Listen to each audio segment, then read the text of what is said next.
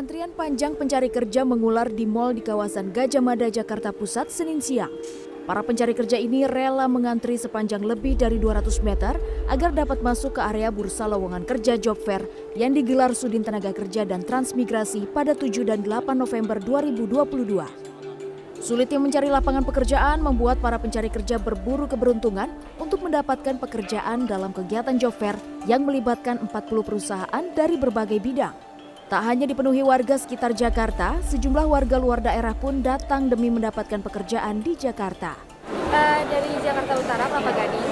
Sulit sih, lumayan sulit kalau di Jakarta cari kerja. Baru sih. Baru lulus apa sebenarnya? Uh, baru keluar. bulan? Baru bulan, lulus iya. ya.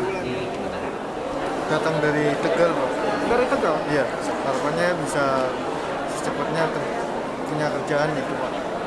Berapa lama nggak kerja? Baru sebulan lulus. Rencananya, kegiatan job fair akan terus digelar guna menekan angka pengangguran di Jakarta. Rizky Ihtiar Yahya, Jakarta.